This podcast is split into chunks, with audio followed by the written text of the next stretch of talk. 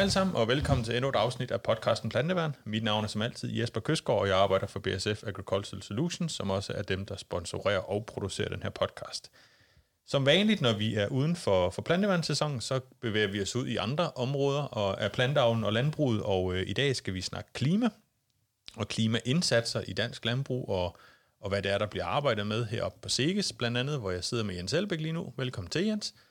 Jo, tak. Og velkommen til Skyby. Jo, tak. Ja, det er jo ikke første gang, jeg er her, men det er altid rart at komme op igen. Jens, inden vi springer ud i emnet omkring klima og klimaindsatser, så kunne jeg jo godt tænke mig for dem, der måske ikke lige kender dig og kender Jens, hvem er du, og hvad har du lavet tidligere? Øh, du sagde du lige før stolt helt, der var en tid før Sikkes. Ja, og forhåbentlig også en tid efter Sikkes, hvis vi er heldige, men jo, jeg hedder så Jens Elbæk og er afdelingschef her i Sikkes for det, der hedder Planter og Miljø, øh, en, en øh, innovationsafdeling, og har været det i år eller noget af den stil. Før det var jeg planteavlskonsulent i mange år, 13 år eller sådan noget, oppe i Lambornor, de, ja. de sidste år som chefkonsulent. Før det var jeg i kemibranchen. Før det var jeg i, i det, der dengang hed statsfrøkontrollen, et lille bitte hjørne af, plantedirektorat, eller hvad det nu hedder, Landbrugsstyrelsen, hvad det hedder i dag, hvor vi kontrollerede sorter og sådan noget. Okay. Og ellers så er jeg uddannet agronom, og så har jeg noget hobbylandbrug. Jeg er jo som mange i det her arveligt belastet. Øh, jeg har lidt landbrug derhjemme, som jeg prøver at som jeg, jeg øver mig lidt i nogle ting, og man skal ikke se, hvad jeg gør. Man skal, man skal høre, høre hvad, hvad siger. jeg siger. Sådan er det jo typisk, når der er landbrug hjemme også. Jo. Sådan er det. Ja. Og hvad, øh, hvad består din rolle i? Nu sagde du lige, du er afdelingschef herude. Hvad, øh, hvad er det for en, en afdeling, hvad er det, du beskæftiger dig med herude? Jamen, i min afdeling, der er vi godt 80 mand, som arbejder med sådan, de fleste aspekter af planteproduktion. Øh, så det, jeg har sådan nogle landskonsulenter i korn og kartofler og frø og sådan noget, som er dybe eksperter inden for det. For det. Ja. Så har jeg nogen på tværs, som ved øh, afsindig meget om gødning og planteværn og biodiversitet og klima og kulstof i jord og alt sådan noget. Så vi, vi dækker sådan øh, produktionen og de miljørelaterede aspekter. Ja. Ja, og det er jo som du selv nævner, det er jo meget bredt. Det er jo egentlig hele planteavlsektoren, du... Ja, øh, det er meget, meget bredt, og jeg synes også, vi... Øh, jeg har sådan en slide med, hvad, hvad, hvad er det for nogle fokusområder, vi har. Ja. Og den har sådan en tendens med, at den vokser. Altså, der er aldrig rigtig nogen problemer, der forsvinder i landbruget, så vi kæmper jo på 9-10 fronter hele tiden. Ja. Øh, det er både charmen og et problem. Ja, for man kan sige, den, den, det, det beskæftiger sig jo egentlig med det helt praktiske. Hvad er det for en sprøjtplan, vi skal lave? Hvad ja. er det for en gødningsplan, vi skal ja. lave til noget mere, øh, jeg vil ikke sige luftigt, men, men noget mere uhåndterbart som klima og beregninger mm. og CO2. Og, altså, det er, jo, det, er jo en, det er jo en bred vifte af Det er utrolig mange forskellige ting. Ja. Øh, og noget af det er jo fluffy og fremadrettet, og noget af det er meget konkret nu og her. Ja, lige præcis.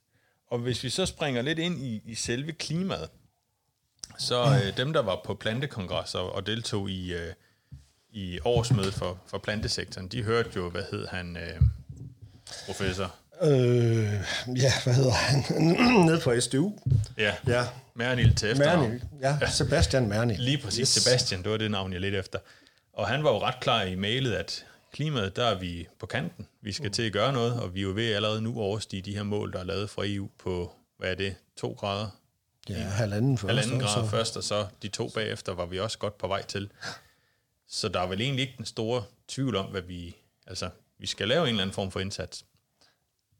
Altså sådan personligt for mig har det været tydeligt de sidste fem år, at vi er nødt til at gøre noget her, for vi er på vej ud i noget, der, der kunne være en katastrofekurs.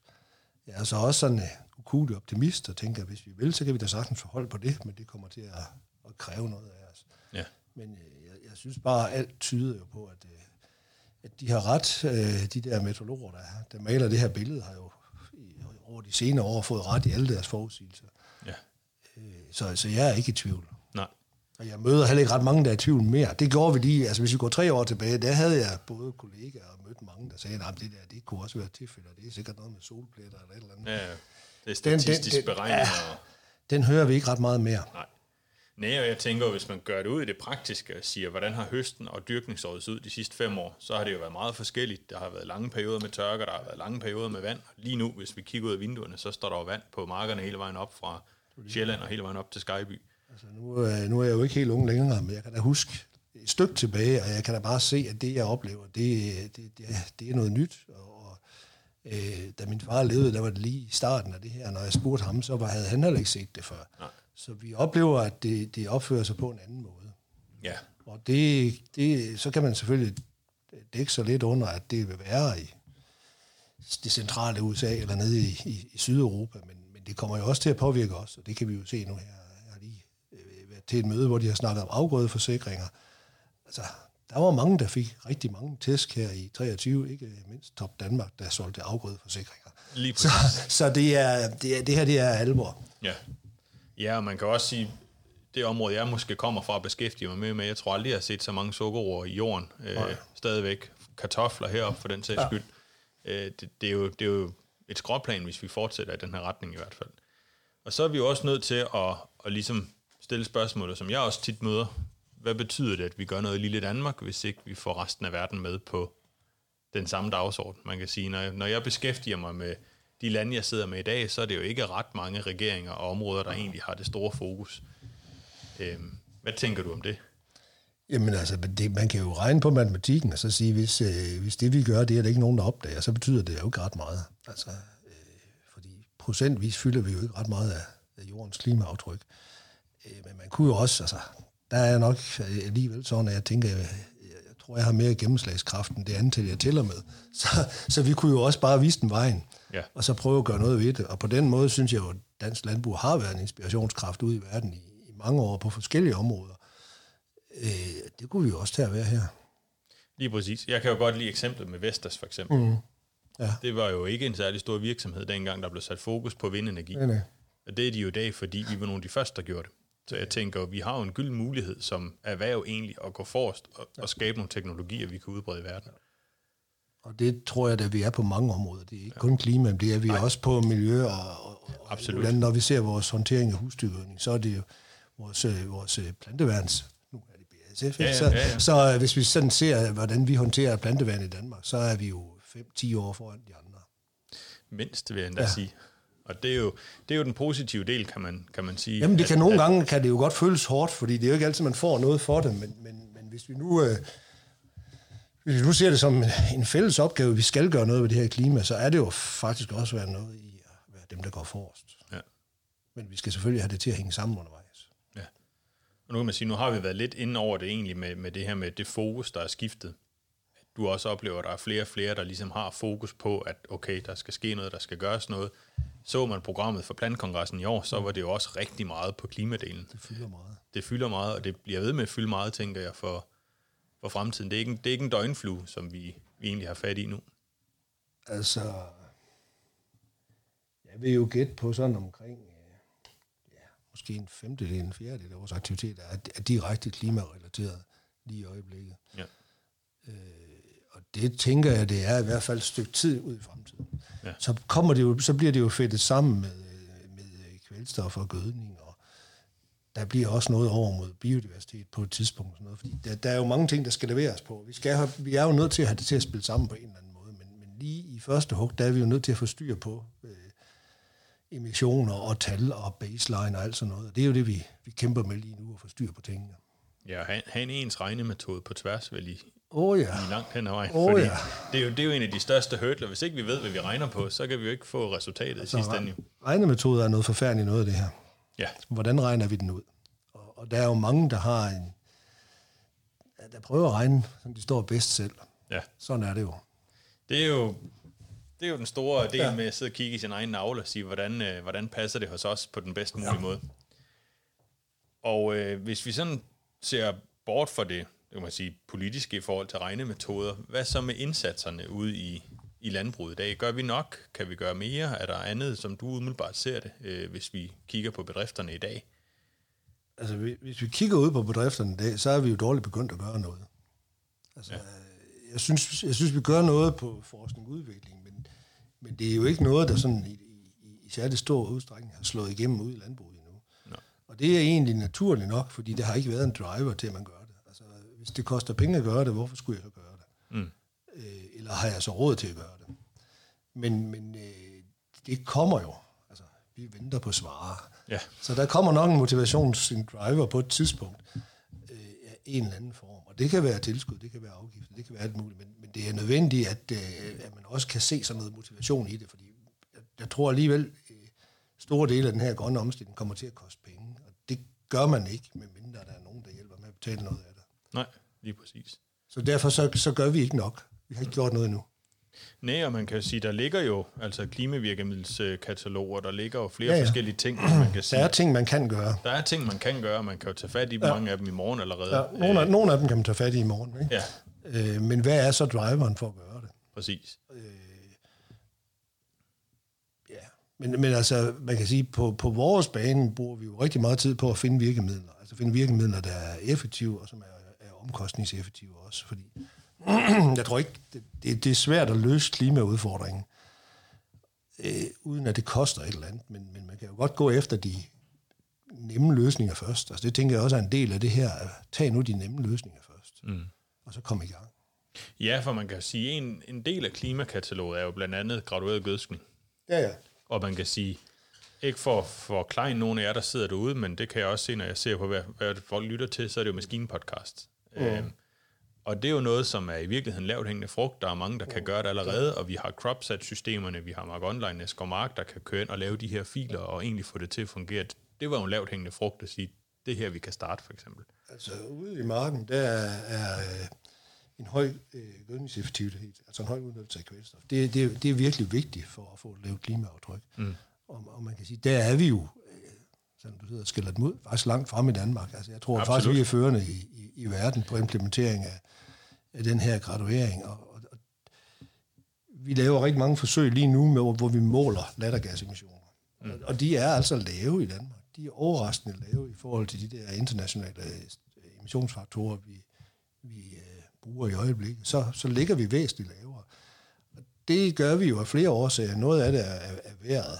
Øh, vi har vi, vi bor i en våd zone. Man kan bare kigge ud af vinduet lige nu. Men ja. Vi bor et sted, hvor det er tørt, når vi kører gødning ud, og så er det ja. vådt om vinteren. Og det er så tilfældigvis gunstigt for at reducere de der emissioner. Mm. men, men det betyder jo også noget, at vi har en, en effektiv gødningshåndtering. Vi har en høj udnyttelse af kvælstof. Vi bruger ikke mere gødning end nødvendigt. Og vi deler vores gødninger til vintersæd og sådan noget. Så, så der er også noget i den måde, vi gør det på. Og det, ja, så, det skal vi jo også taget kredit for valget af gødning har vel også meget at sige. Det har også noget at sige. At, at vi kører meget NPK, vi kører ikke, øh, hvad hedder den anden, urea, øh, ren ja, urea. Jo, det, det har noget at sige, men, men jeg tror faktisk, det andet betyder mere. Okay. Altså, gødningsvalget er vi stadigvæk lidt usikre på. Der er sådan, det går lidt den ene vej og lidt den anden vej. Altså, så den er nok mere kompliceret, men det betyder noget, at man har en høj udnyttelse, og man, man ikke har perioder i jorden, hvor man har meget øh, nitrat, uden at, øh, der er planter, der optager det. Ja. Altså, jo kortere man gør det, jo mindre risiko har man. Det er klart. Og hvad med, øh, hvad kan man sige, nu, nu har vi snakket lidt om, der er ting, vi kan gøre i dag. Øh, nitrifikationshæmmer er også en af dem, vi kan tilsætte i vores husdyrgødning. Ja. Men hvad kigger vi så på fremadrettet? Nu har vi jo snakket meget biokul, øh, blandt andet på Plantkongressen, var jo en af de, de store ting, vi snakker om. Det er vel også noget af det, som I kigger ja. på. Øh, jeg hørte op på Samsung, der var jo snak om, hvordan kan vi overhovedet bringe det Mm. Hvordan passer lovgivningen til at køre det ud? Og, ja. altså. altså biokul er jo super interessant, fordi det er, er en måde at lære kulstof på. Og øh, det vil sige, at man har et virkemiddel, der, der ikke bare reducerer belastningen, det tæller den modsatte vej.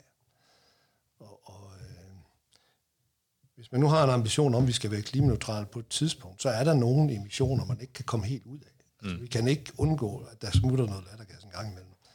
Så vi kan ikke blive neutrale, medmindre vi har noget, der, der tæller negativt. Det, det gør biokul, og det er jo sådan set den mest sikre måde at gøre det på. Man kan også bygge kulstof op i jorden sådan ved øh, mere naturlige processer. Det er bare utrolig svært at styre, og, og ikke særlig permanent. Det kan forsvinde igen med det samme. Altså, øh, og, forsøgene med biokul viser jo, at det ligger der i 100, måske 1000 år. Ja. Og det er jo i virkeligheden en, en ekstremt effektiv. Jo, men man kan sige, du kan jo, som du selv siger, du kan også lære det mere naturligt at sige, vi snitter en halm, men det er en langsomlig proces, og det er noget, der tager ja. 10-15 år, før du begynder sådan rigtigt at kan måle det større omfang, tænker altså, det, det er slet, slet ikke effektivt i samme Nej. måde som biokul. Nej. Og så kan man sige, øh, det passer lige nu, der, der, der sker udrulningen af biokul. Den sker i, i enden af biogasanlæggene. Mm. Og det er sådan set et, et, et logisk sted, og et sted, hvor man kan sige, du, hele ideen til, at man, man kører på biogas øh, fiber, gyllerestfiber. Det er jo fordi, at der har man, øh, der har man det, de kalder et gratis feedstock. Mm. Altså, man giver ikke noget for biogasrestfiber, for dem, dem er der ikke ret mange, der vil have alligevel. Nej. Hvorimod, hvis man skal ud og købe halm, så er halm jo en, en ting, der, der stiger i pris. Og det vil jo betyde noget for et pyrolyseanlæg, at de skal købe Det er klart, dyrehalm. at de ikke glæder på det affaldsprodukt længere. Så, så derfor så ligger de jo typisk i, i enden af biogasanlæggene i dag. Ja. Eller i forbindelse med noget slam, hvor man betaler for at komme af med det decideret. Så, ja. så, så kan man jo faktisk få penge for at få det til at gå væk. Ja, så man kan jo sige, at hele, hele fødevarekæden er jo egentlig, at vi kommer ind med noget gylde og noget, noget, noget fibermasse af en slags ind i biogasanlægget, så filtrerer vi det på et tidspunkt og kører gylden tilbage til landmanden, og så brænder vi fiberen af Yep. i biokul og kører ja. Tilbage til landmanden. Ja. Det er jo ligesom den, der er delen i det. Yes. Og når vi laver biokullen, så går jeg ud fra, at vi bruger varmen. Ja, altså som, som det er i de første anlæg her, så det varme, der kommer, og det er gas, og det olie, der kommer ud af, det brænder man egentlig af i biogasanlæggene, fordi som et, moderne biogasanlæg, der, der opgraderer biogassen til flydende biogas til et, øh, transportindustrien i Tyskland for eksempel, mm. de er store aftager til det og betaler en god pris, men så, så gør man det, at man piller CO2'en ud af, af biogassen. Og det kræver en del energi.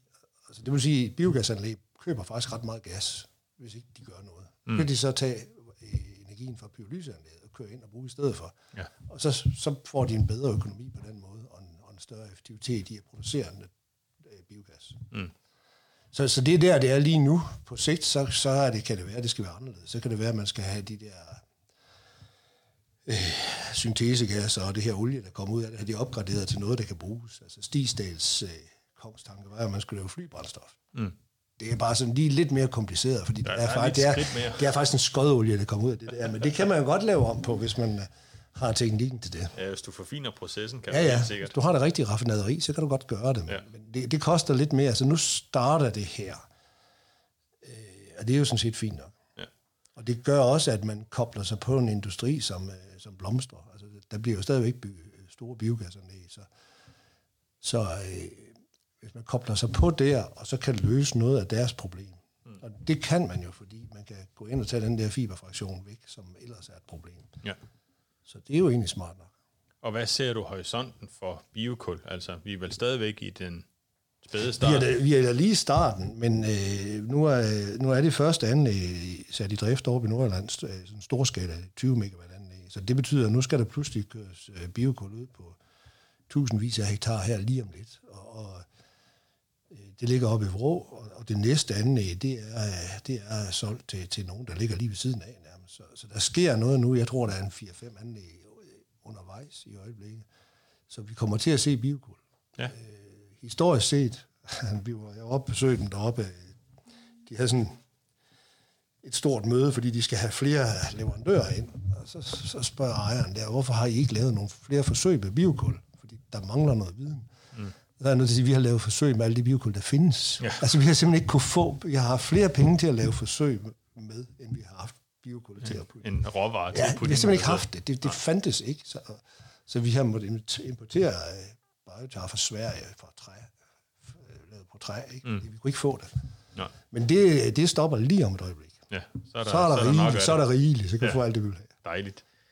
Er der andre sådan ting, du tænker, når du ser ud i krystalkuglen, der sådan ligesom er, er ting, vi arbejder med, og ting, som bliver, bliver det næste? Ja, altså der, der er jo flere ting. Altså et af de andre store skridt, det er jo øh, den her grønne gødning. Altså gødning mm. lavet på øh, vedvarende energi, øh, solcellestrøm og vindmøllestrøm i stedet for naturgas. Øh, det er også på vej. Jeg sælger noget i Sverige i øjeblikket. Øh, Skovskøjne, de har et anlæg, de har færdigt her løbet af foråret op i Lemvig. Ja. Det er en spæd start, og øh, det, spændende er jo, hvad det koster. Fordi i modsætning til, til biotar, som er noget nyt, så vil en landmand jo ikke opdage, om hans 21-10 er lavet på Nej, grøn strøm energi. eller, eller på naturgas. Det, det kan man faktisk ikke se forskel på. Men altså, det er jo en logisk, øh, en logisk udvikling af, hvorfor skal vi blive ved med at bruge sort gødning, når vi kan, kan købe grøn. Ja, Spørgsmålet er så, hvad det koster, for det, det rykker jo noget i markedet, øh, når jeg skal skifte de her naturgasdrevne anlæg ud med. Åh oh ja, det, Ja. det er jo ikke, det er Der, jo ikke der, en der er jo ikke bare, at man skal bygge noget i fabrikken, man skal også have en, en havvindmøllepark, og der skal virkelig Ja, meget ja. energi til. Ja, og så kommer den næste, og det er jo så igen den politiske del af det, hvor man siger, at den gødning, vi køber i dag, kommer fra Rusland eller fra, fra de baltiske lande, eller østlandene i hvert fald, øh, begynder vi at producere den i Danmark, så tæller den jo lige pludselig vores nationale klimaregnskab. Ja. Og der, Så er der jo noget politisk spil i, som gør det til en Der- negativ forretning. der, der er jo nogle ting omkring, hvordan det er, vi regner. Vi har lige lavet sådan en, en explainer-video. Den ved jeg ikke, vi kan, den kunne vi jo tage at dele, der forklarer ja. det her med, med forskellen på et nationalt aftryk og så et, et, et, et forbrugsaftryk. Ja. Fordi hvis man styrer udelukkende efter et nationalt aftryk, så får man sådan nogle fuldstændig skævvridninger. Altså så flytter man produktionen ud af Danmark, og man vil hellere købe noget, der er produceret i Rusland med et højt klimaaftryk, end man vil lave det selv med et lavt. Det, ja. det giver jo ikke nogen mening. Så man er nødt til at se på det øh, lidt mere nuanceret, end det vi gør i øjeblikket. Ja, fordi øh, ja, det er jo en, måske en dum sammenligning, men jeg kan godt lide ved LTJ-sangen. Der er start med, at øh, nu har jernbanen kørt med minus øh, 5 kroner per passager, skal de tage nogle mindre passagerer med. Ja, Øh, ja, ja. Og det, er jo, det er jo lidt den samme tankegang, vi kører, når vi mm. snakker de her nationale og internationale aftryk. Fordi der er jo ingen tvivl om, at grøn gødning vil jo hjælpe Ja. på det samlede aftryk. Men det, det kan så være, at den kommer en anden vej, fordi det vi ser lige nu, det er jo, at vi har ikke fået nogen øh, incitamentstruktur fra politikerne endnu, men der begynder jo at komme noget fra virksomhederne. Der er jo flere virksomheder, der har, har sat sådan nogle øh, mål, det de kalder science-based targets, hvor de skal reducere deres øh, klimabelastning. Og de starter jo alle sammen med at købe grøn strøm, det er også fint nok. Så er vi kommet så langt, og så, Så er der noget så køber de nogle så- elbiler, el, elbiler til direktionen, så ja. er vi kommet så langt, og det rækker jo ikke, og så skal de gøre noget mere, og så går de ud til deres leverandører og siger, hvad kan I hjælpe os med? Og så kommer der noget den vej rundt, og øh, det er jo så spørgsmålet, hvad man vælger. Så kunne man jo betale for, at de bruger biodiesel, eller de bruger grøn gødning, eller de øh, bruger nitrifikationshæmmer, eller hvad det nu skal være, så man kan få de der reduktioner med ind i sit eget klimaaftryk. Ja. Det, det er sådan øh, en af de driver, vi ser lige i øjeblikket.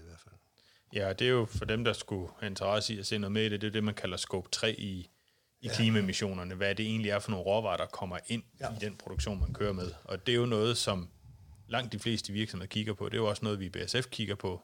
De ja. handler, vi laver af formuleringsstoffer, og hvad er emissionerne på dem, og hvor kan vi skrue på noget der. Så det er jo langt de fleste virksomheder faktisk, der ja. i dag begynder at kigge på det. Og når vi så har spillere som Danish Crown og Arla, Carlsberg for den sags skyld, mm. der begynder at kigge på det her, jamen så er det jo der, betalingen kommer for at lave indsatsen. Ja. Vi skal bare lige derhen, øhm, og det er jo også noget af det, vi Så arbejder kan vi lige på. komme med et tip til, til landmændene derude, og der skal man så lige sikre sig, at man får noget for det. Øh, fordi det er jo det er jo kendt, at øh, virksomheder kan godt finde på at stille krav til leverandørerne, uden at de betaler for det. Ja, Og der bør jo være en eller anden form for afregning, fordi det, det meste af det vil koste et eller andet det vil det, og øh, hvis ikke du får mere betaling, jamen, så, øh, så er det jo din egen indsats, du, du gør, og så giver du egentlig noget, noget guld videre. Når man så som landmand tager fat i noget af det her, og får kørt biokul ud, eller får brugt notifikationshæmmer, den vil jeg så gerne tage fat i, men, men hvad, øh, hvad kan man så gøre for at dokumentere, at man faktisk gør noget, og hvad kan man gøre for at beregne det øh, på, på bedriftsniveau? Jamen altså, det er jo noget af det, vi arbejder med også, det hele det der dokumentationsspor. Altså, øh, er jo relativt nemme, for dem registrerer du bare ind i det program, hvor du registrerer dine gødninger, eller din sprøjtejournal. Så, så, har, så har du fået noteret, og gjort det. Så skal det jo på en eller anden måde komme videre, og det er jo fint nok, at du ved det, men, men hvis nu øh, Dennis Crown eller nogen andre skal vide det, øh, og- og der arbejder vi jo med sådan, nogle, øh, sådan et øh, program til at, at dele data. Altså det hedder Traceit, altså spor det. Mm. Og det er øh, et forsøg på at lave en, en platform til at, at levere sporbarhed og dokumentation. Og ide- ideen er egentlig, at når man kører ned og tipper et læs korn af nede ved, ved gråvaren, så sælger man korn. Det får man penge for. Men via Traceit kan man så sælge data med, så man ved, hvordan det her maltbyg det er produceret. Man kan få en sprøjteplan, man kan få et klimaaftryk, hvis man vil have det. Eller man kan få alt muligt andet, hvad det nu er er interessant. Ja, mængden af biodiversitet, hvad det Ja, være. ja i, i, i princippet er det kun fantasien, der, der sætter grænsen, og så hvad landmændene gider at registrere. Mm. Og så er setup'et egentlig, at landmanden styrer de data. Altså, øh, man skal jo ikke forære noget væk, medmindre man, man gør det bevidst. Så, ja. så ideen er egentlig, at man, man øh, laver en aftale, og så vinger man af, at øh, nu må Danish Crown eller DLG, eller hvem det nu er, nu må de se lige nøjagtigt de data fra mit maltbyg. Mm. Så kan man godt være, at man har solgt noget hvede til nogle andre. Så det må de ikke se, men de må se det her. Ja. Så det er ligesom, det er ligesom ideen, den platform, vi er ved at bygge op lige nu, at vi er i gang med de første kunder, hvor vi, vi så laver det til dem. Og det bliver specifikt til hver aftager, fordi mm. det er dem, der skal bruge de der data, og det er dem, ja. der skal ligesom beslutte, hvad, hvad kan give værdi. Altså, det er ikke sikkert, at man behøver at vide alting. Så hvad, hvad vil jeg gerne vide omkring mit produkt? Mm. Og så er ideen en, når du har købt kornet, så ejer du kornet, men du ejer også de data, du har købt med. Og ideelt set igen, så bør man betale lidt for det. Ja, ja, og man kan jo sige, noget af det, jeg også har stødt på, når jeg har snakket om det her rundt omkring, det er jo også den her med, hvordan skal DLG kunne styre de her forskellige partier korn. Hvor ja. jeg plejer at sige, de kan jo som regel godt fortynde sig ud i en protein, proteinbestemt ja. maltbyg. Ja. Med at sige, at vi har de her med 10%, vi har de her med 9%, og det lægger vi så sammen, og så får vi 9,5 i sidste ende. Øh, der tænker jeg vel et eller andet sted, det er det, vi er nødt til også at kigge ind i ja. og sige... og den, den har vi jo ikke helt løst for den, fordi det, det tænker jeg, det vil de nok gøre selv. Det, det, er, nok, det er nok klogest, eller dem kloge, det hvis, hvis de får data på det list, der ligger her, bum, hvor de så vælger at lægge det, det må de nok hellere selv finde et system til. Absolut, men det, det jeg egentlig vil hen i, det er, at det kan man jo godt gøre på samme niveau, som man har gjort det. Ja, ja det kan man, og, og, og jeg tænker også ofte, at man kommer ud og lave det, vi kalder massebalance. Altså hvis vi er ved at lave et samarbejde med øh, KMC, og hvis man nu kører forbi ude på heden ude, så kan man se de der tønder, de har kartoffelmel i der er noget mere kartoffelmel, det kommer fra en mark. Så de er, jo, de er jo nødt til at lave nogle, nogle bunker, hvor man siger, at alle de her læs, de er altså oppe i den her store tynde nu. Ja. Og derfor så er der ikke én sprøjteplan. Der er stribe så lang, så lang. Der er så mange, der har sprøjtet med det, og så mange, der har sprøjtet med det. Ja. Øh, så er man nødt til at gøre det, fordi det, det er jo den måde, de gør det på. Så kan der være andre produktioner, hvor man kan... Øh, hvor man kan levere sporbarhed på et helt andet niveau, så man faktisk på pakken kan se, hvem er det, der har det. Jens Peters. Altså, Ja. Nu kommer jeg op fra Nordjylland, der har vi jo øh, vildmoskartofler. Det er måske ikke så godt i en klimasammenhæng, men, men når man køber sådan en bakke med, med, med vaskede små kartofler der, så skal man jo enten om, og så kan man se, det er jo Jans kartofler. Det, jeg, jeg køber altid Jans kartofler. Mm. Han, er en god, han, han er en good guy. Så, så det er jeg tryg ved. Og det, det er også en form for sporbarhed, som jo, Absolut. som er jo kørt helt ud i det ekstreme. Ja. Og, og så kan man så øh, give ham et nummer, og så kan han fortælle, hvad for en mark det er taget op på. Ja, men det, har vi jo, det har vi jo nogle eksempler på. Nu ved jeg, vi var jo med en flok landmænd over at se Absolut Vodka over i Sverige. Ja. De handler jo direkte ved landmænd. Der er det ja, ja. landmænd selv, der kommer ned og tipper af, eller bestiller en yes. vognmand til det. De vil jo også kunne lave De kan også lave sådan noget. Øh, Meinerts Mølle på Sjælland, som ja. sælger brødblandinger og, og, og mel, vil jo i princippet... De kan også gøre det der, ja. Jeg tror faktisk, de gør det allerede, ja. men det er jo sådan en anden snak i det. Så er spørgsmålet jo bare, har forbrugeren tid til at læse det? Men, men altså, det kan være, at det er en fordel, det er der. Jeg tænker, og, og, jo, jeg tænker jo, der er jo der er jo lige så mange forskellige forbrugere, som der er forskellige ja. mennesker, og nogen vil gå meget op i det, og andre de vil tænke, det har jeg overhovedet ikke brug for, jeg tager prisen, og så er det den billige, jeg vælger. Øhm, og det skal vi også være have øjnene åbne for, at de findes også. Øhm. Og så er der også en værdi for, for de der virksomheder i at få en plads på hylden. Altså, hvad er det for en historie, jeg skal fortælle, for det er mit produkt, jeg sælger, ikke de andres. Ja. Det, det er sådan en af dem, der er lidt svært at sætte penge på, men den, den eksisterer jo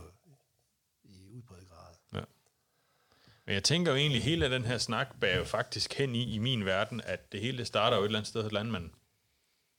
Fordi det er jo fint nok, at, at som du sagde, Carlsberg, Danish Crown og de andre, de kan godt lave nogle ting på skub 1 og skub 2, som jo handler om elbiler og alle de andre ting. Der er de sådan set godt i gang allerede. Mm. Men skal vi have råvaren med, så er det jo nødt til at være ude ved landmanden, at vi, vi skal gøre indsatsen. Og så skal incitamentet selvfølgelig starte et andet sted, men indsatsen starter ude ved landmanden. Altså når først Carlsberg har købt Malbyggen, så er det jo for sent at ændre på, på Jo, men det, er, det, er, det, det, det kan man godt sige. Jeg tror, øh, i virkeligheden så opdager man jo den der sporbarhedsting, at det starter jo andre steder også. Det starter jo også hos dem, der leverer den her gødning. Altså lige pludselig bliver lige pludselig skal vi jo også, spørge vi jo også jer efter, hvad er klimaaftrykket egentlig ved at lave det der visurer? Mm. Øh, så, så, så jo, jamen, landmanden er i centrum på en eller anden led, men, men der er også en kæde før ham. Og den, og den skal vi også have med, fordi hvis, hvis han skal levere et klimaaftryk, så skal han også have et klimaaftryk på hans inputfaktorer. Mm. Så det der såsæd, jeg har købt, hvordan er det produceret? Det der gødning, jeg har købt, hvordan er det produceret? Øh, så det bliver jo de der mere komplicerede kæder, hvor, hvor alle led faktisk er vigtige, hvis vi skal nå i mål. Ja. Vi, har, vi har sådan et projekt, hvor vi er ved at prøve at lave klimaneutral øh, havregryn og rugbrød. Ja. Og, og der er en af de helt klare lærere ved, ved det projekt, det er jo, at, at alle kommer til at bidrage, hvis vi skal lave det klimaneutralt altså hvis, hvis vi bare skal halvere det, så kan man godt, så kan godt, springe brødfabrikken ja. over, og så sige, så kan vi godt gøre det, men hvis vi skal nå et nul, så er alle altså nødt til at levere noget ind til det her. Mm. Både på sporbarheden, men også på, på den her klimaindsats. Det kan ikke hjælpe noget, at bageren siger, at jeg lader sig bruge naturgas i min ovn, så, så kommer vi Så til at have kommer svært ved at... Eller også så er der nogen, der skal betale rigtig, rigtig meget for at gøre noget et andet sted. Ja. Så, så, så øh, jo, produktionen ude landmanden er i centrum, men, men der sker altså også mange ting, både før og efter, som er rigtig vigtige. Ja, nu har vi jo, nu har vi jo vendt hele den her værdikæde, hvad kan man sige, værdikæde, værdiforøgelse, mm-hmm. er det vel egentlig, vi snakker om. Hvad tænker du om klimakreditter? Det er jo også noget, som har været meget op. Jeg synes ikke, man hører så meget om det, som man gjorde på et tidspunkt, men Nej, altså, øh, det er jo et værktøj, og, og øh, jeg, jeg synes, det fik en lidt skæv start, mm. fordi det blev brugt meget på, på de her øh, øh, conservation agriculture-agtige tiltag, øh, som har en, en... Det er svært at dokumentere øh, effekten af det. Mm. Det er også svært at sige, jamen nu, nu gør jeg det her, ja, men hvor meget gjorde du i forvejen? Altså, jeg har jo spurgt øh, nogle af dem, der sælger klimakreditter i USA, hvor det jo startede op, og hvor det var stort. Nu har I vel ikke solgt nogen kreditter ud fra Iowa? Jo, jo, selvfølgelig har det det. Det er da 10 år siden, jeg var der, der var der ingen, der pløjede. Så mm. hvad er det lige, jeg har lavet anderledes? ja. Øh, så så der, der fik det sådan lidt skæv start, og det, det kæmper det stadigvæk med. Øh, men der er jo mange andre ting. Altså, øh, nu snakkede vi om de her øh, biokulmennesker. Altså, hvis man skal have sådan en pyrolyseanlæg til at hænge sammen, så skal man have en betaling for den her kulstoflagring. Mm. Og den kan man faktisk sælge på klimakreditter. Øh, og, og, og i modsætning til, til det her, de her dyrkningssystemer, som er svære at dokumentere ud i alle hjørner, så kan man jo tage en bunke biochar, og så kan man analysere den, og man kan veje den. Mm. Og så kan man sprede den på noget jord, og så kan du ikke samle den op igen. Nå. Så er den der. Øh, så der er øh, et andet niveau af klimakreditter. Og så kan det jo gøres omsætteligt, fordi så kan man jo bruge det i fødevareindustrien, hvis alle har brug for at være reducere deres klimabelastning, så kan de jo bare købe de kreditter, der kommer for det ko dybstrøelse, som er rådet i det biogas. Mm. Hvis ikke de vil betale for det, jamen, så sælger man det til en helikopterfabrik nede i Holland, eller i Schweiz, eller hvad ja. man nu gør. Øh, Så det er jo en måde at gøre, gøre indsatsen omsættelig på. Mm. Øhm, så hvad tænker jeg om det? Altså jeg tænker, det er, det er et værktøj, det er noget, der findes, øh, det skal styres. Øh, det har nok haft en skæv start, men øh, det kan godt være, at det i virkeligheden bliver en, en integreret del af det fremadrettet. Det kunne nemt være. Og noget andet, jeg også tænker på med det, det er jo den der med ikke at sælge det to gange.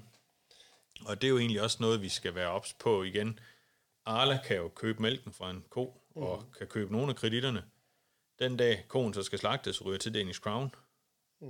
Hvad for nogle kreditter skal så gå hvorhen, og hvordan...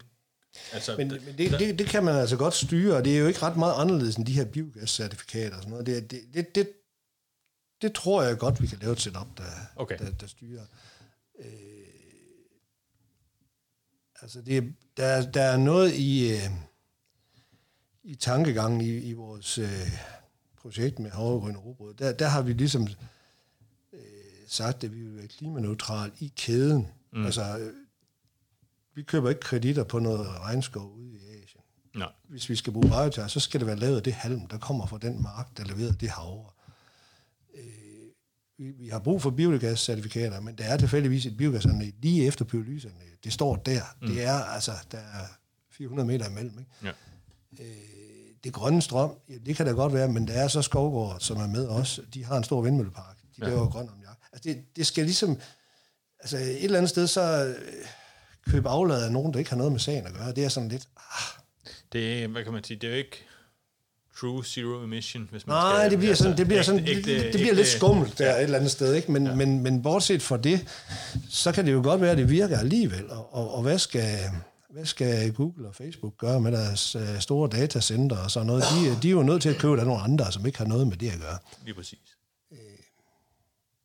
Men det handler jo, altså, man kan sige, hele målsætningen må være, at vi udleder mindre for at få et bedre klima.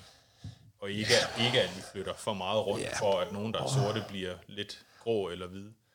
Og, og på et eller andet tidspunkt, så skal vi jo også holde op med at lave alle de her siloer og afgrænse det, altså sige, at vi skal vi ikke bare løse det. Mm. Øh, fordi det er jo altså noget af det, der er destruktivt lige i øjeblikket, det er de her sektorer, man deler det op i. Så gør man noget i landbruget. Så er det energisektoren, der bliver godskrevet der, og så kan man skille landbruget ud ind i Folketinget. Altså, vi lukker bare landbruget, så glemmer man det, så forsvinder det også over i energisektoren og sådan noget.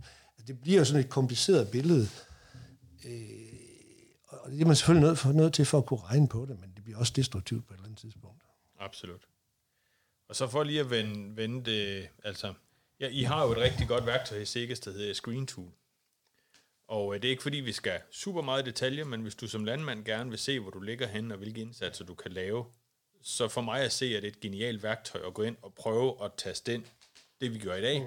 og sige, hvad sker der, hvis vi kunne være, at vi hævede mælkeydelsen uden at gøre noget ekstra. Det kunne være, at vi tilsatte en infektionshæmmer, det kunne være, at vi brugte mm. gradueret gødning, det kunne være, at vi tog nogle lavbundsjord ud. Så får du faktisk nogle ret konkrete, konkrete tal, du kan sætte ind på, på din miljødel. Øhm, og man kan sige, at ideen med det var vel i bund og grund, at der var nogle banker, der skulle til at efterspørge nogle ESG-rapporter, som aldrig sådan rigtig kom i gang på det niveau, jeg egentlig havde forventet. Øhm, men, men for mig at se, det er et godt styringsværktøj for en landmand at kunne lave den her. Og det er jo ikke kun miljø, det er også den sociale del, og så er det governance-delen på, på bedriften også. Øhm, det var egentlig bare, og nu serverede jeg en lille teaser for jeres værktøj med, men jeg synes, den er... Jeg synes, fortæl, den noget, er, fortæl noget mere. jeg synes, det er, det er et overset værktøj i min verden i hvert fald. Det, det er i hvert fald et godt værktøj til at få sådan noget overblik. Ja. Og, og det er jo rigtigt, det, det, det er sådan set mere eller mindre lavet på bestilling af den finansielle sektor, som, som på et tidspunkt mente, at nu skulle vi alle sammen lave SG-rapporter, og så skulle vi alle sammen regne vores klimaaftryk ud. Øh, det skulle vi så måske ikke lige første omgang, men, men nu er det faktisk et fint værktøj til at kunne give en landmand et overblik over hans situation. Ja. Og, og, nu er det, og det er jo så også udviklet til, at man kan, man kan dykke lidt mere ned i produktionsgrenene, fordi i, i første version var det sådan et bedriftsaftryk til hele min bedrift med alt, hvad jeg laver, hvordan ser det egentlig ud. Nu kan man også begynde at gå ned og sige, jamen, hvad med min, hvad med min mælkebygproduktion? Hvordan ser den ud i forhold til min kør, eller hvad jeg nu har? Ja. Øh, og det giver et godt overblik. Øh, og så kan man lege med de her scenarier, men, men det er klart, at, at når man skal til at gøre noget i virkeligheden, så bliver det jo tit meget mere kompliceret, og der mangler vi sådan set at lave et værktøj til, hvordan optimerer man det her økonomisk, når det skal tage hensyn til, at der også er noget, der hedder gødningsregler, der er også noget, der hedder EU-støtte, der er også noget, der og der er noget, der, oh, og det er, vind og vejr og nedbør ja, og alt muligt andet. Og der, der, der har vi altså et stykke arbejde foran os, fordi der, der tænker jeg, at vi, vi kommer til, når nu der kommer en incitamentstruktur fra regeringen, hvad den end bliver, at skulle lave noget værktøj til øh, at kunne hjælpe der. Fordi mm. så bliver det lidt hver mand på sig selv, og så må man gætte sig lidt frem og føle sig lidt frem. Ja.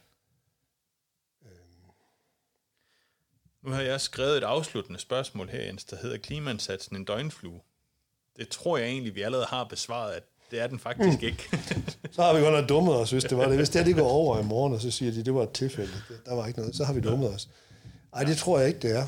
Jeg tænkte jeg egentlig, nu er jeg på vej til et andet møde her i formiddag, så sad jeg og tænkte, det her det er vores tids største udfordring. Og så ved jeg ikke, så kom den der konflikt ned i Israel og Gaza. Det kan godt være, der er, der er to der på listen, men det er virkelig, det er virkelig en, en stor udfordring, og øh, også et sted, hvor der er nogen, der bliver rigtig rige på at finde løsninger. Det skal man også huske at se det her som at det her kan godt være, at det giver os en masse udfordringer, men det er jo også her, det sker. Det er jo her, mulighederne ligger for at, at, at, at lave noget godt. Jeg synes jo, det er lidt sjovt en gang imellem at, at gå tilbage i historien og sige, hvorhen er der noget, der kunne minde om de her kvantespring, vi oplever. Og hvis jeg går sådan tilbage sådan i en mere moderne landbrugshistorie, siger, dengang vi gik fra hest til traktor, mm, ja. der var mange modstandere, det kunne man aldrig få en jerndyr uh. til at gøre de samme ting, og egentlig lidt de samme argumenter, vi møder nu. Ja. Og, Men det har jo vist sig at være en kæmpe game changer for, ja. for landbruget, og jeg tror egentlig, det er miljøet nu, og klimaet er egentlig det samme kvantespring, vi står overfor, hvis vi håndterer det rigtigt, som jeg ser det. Ja. Og så kommer der jo en hel masse afledte ting. Dengang de sendte, ja. sendte raketter til månen, ikke? Så, så fandt man pludselig ud af at løse en hel masse andre ting. Mm. Og, og, og hos os har det i hvert fald givet den her øgede fokus på, at det er nødvendigt at arbejde sammen i kæderne. Altså det er, det er helt tydeligt. Altså alle de der enkelte løsninger, det er ved at være overstået. Nu er vi nødt til at arbejde sammen om det. Ja. Og, og der håber jeg, altså det, og det er bare mit håb, fordi jeg synes, det plejer vi at være gode til i Danmark. Vi kan snakke sammen, mm. og vi kan også øh, stole på hinanden. Øh, så måske er det det, der er vores, og det er måske derfor, det betyder noget, hvad vi gør i Danmark, fordi det er der mange steder, hvor man ikke stoler på nogen overhovedet. Ja. Her, kan, her kan vi godt lave en aftale, og så kan vi godt køre det igennem. Ja. Og vi kan også godt dele en kage, hvis det skal være. Lige præcis. Specielt kage, det kan vi godt det. Ja.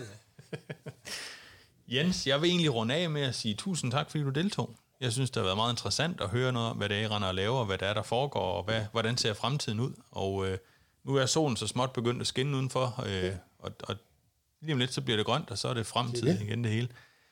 det går mod lysere tider. Ja, lige Det præcis. ved vi med sikkerhed. Lige præcis. Du skal have tusind tak for at være med, Ja, lige måde. Og øh, så er jeg jo nødt til lige at gøre en, en kort reklame her fra BSF og sige, at øh, vi har jo andre miljø øh, podcast liggende også, blandt andet Jørgen E. Olesen, der snakker om, øh, om nitrifikationshæmmer. Vi har Anders øh, Fjendbo, der snakker decideret visure, som er nitrifikationshæmmeren fra BSF, og dem er du velkommen til at gå ind og høre, hvis du ikke har hørt dem allerede. Men øh, klimaet er noget, der bliver, og det er noget, vi bliver ved med at arbejde med, og noget, vi bliver ved med at kæmpe med. Det må ligesom være ordene her fra, fra Siges og fra Skyby. Så igen, tak for du var med, Jens. Det var så fedt. Vi høres ved derude. BASF. We create chemistry.